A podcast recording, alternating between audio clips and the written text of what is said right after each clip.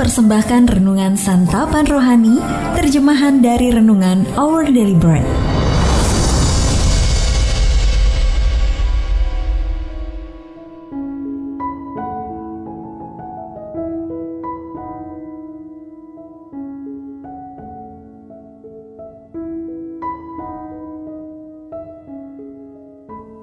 Sahabat ODB, pembacaan Alkitab hari ini terambil dari Matius pasal yang kelima ayat yang ke-43 sampai dengan ayat yang ke-48.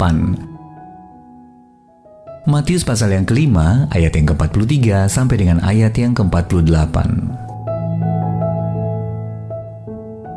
Kamu telah mendengar firman, Kasihilah sesamamu manusia dan bencilah musuhmu. Tetapi aku berkata kepadamu, Kasihilah musuhmu dan berdoalah bagi mereka yang menganiaya kamu. Karena dengan demikianlah kamu menjadi anak-anak Bapamu yang di sorga, yang menerbitkan matahari bagi orang yang jahat dan orang yang baik, dan menurunkan hujan bagi orang yang benar dan orang yang tidak benar. Apabila kamu mengasihi orang yang mengasihi kamu, apakah upahmu? Bukankah pemungut cukai juga berbuat demikian? Dan apabila kamu hanya memberi salam kepada saudara-saudaramu saja, apakah lebihnya daripada perbuatan orang lain? Bukankah orang yang tidak mengenal Allah pun berbuat demikian? Karena itu, haruslah kamu sempurna, sama seperti Bapamu yang di sorga adalah sempurna.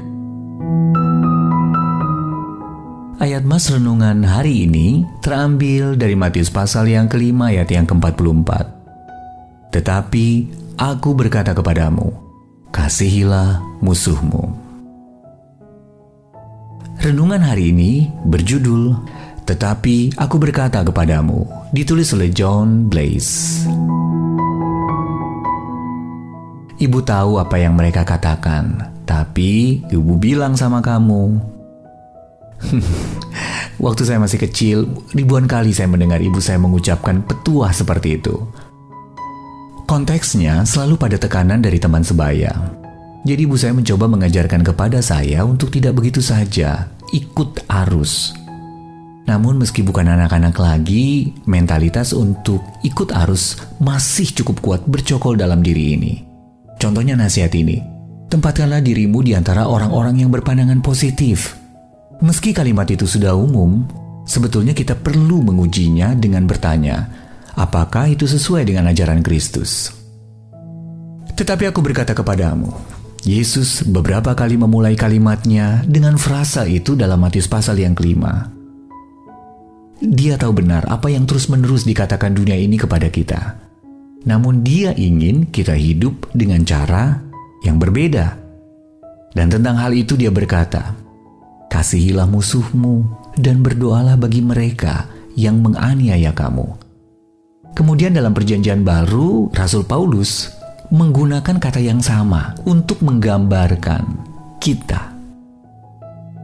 Roma pasal yang kelima ayat yang ke-10 dalam terjemahan bahasa Indonesia sehari-hari berkata pada masa kita bermusuhan dengan Allah. Jadi Yesus sendiri membuktikan ucapannya dengan tindakan dia mengasihi kita dan menyerahkan nyawanya bagi kita. Bayangkan apa jadinya jika Kristus hanya membuka diri untuk orang-orang yang berpandangan positif. Mana tempat bagi kita? Puji Tuhan, kasihnya tidak membeda-bedakan orang.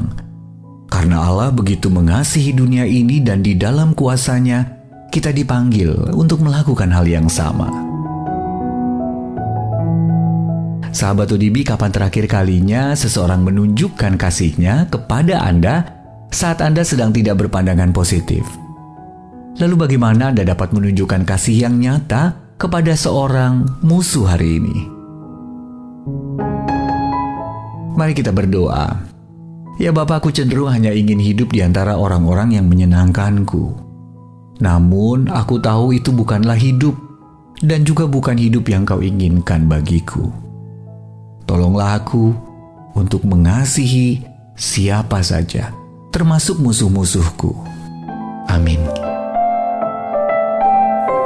Jika Anda ingin mendapatkan buku renungan ini dalam bahasa Indonesia, Inggris atau Mandarin, WhatsApp kami di 0878 7878 9978 atau email indonesia@odb.org. Persembahan kasih dari Anda memampukan Our Bread Ministries menjangkau orang-orang agar diubahkan. Tuhan memberkati.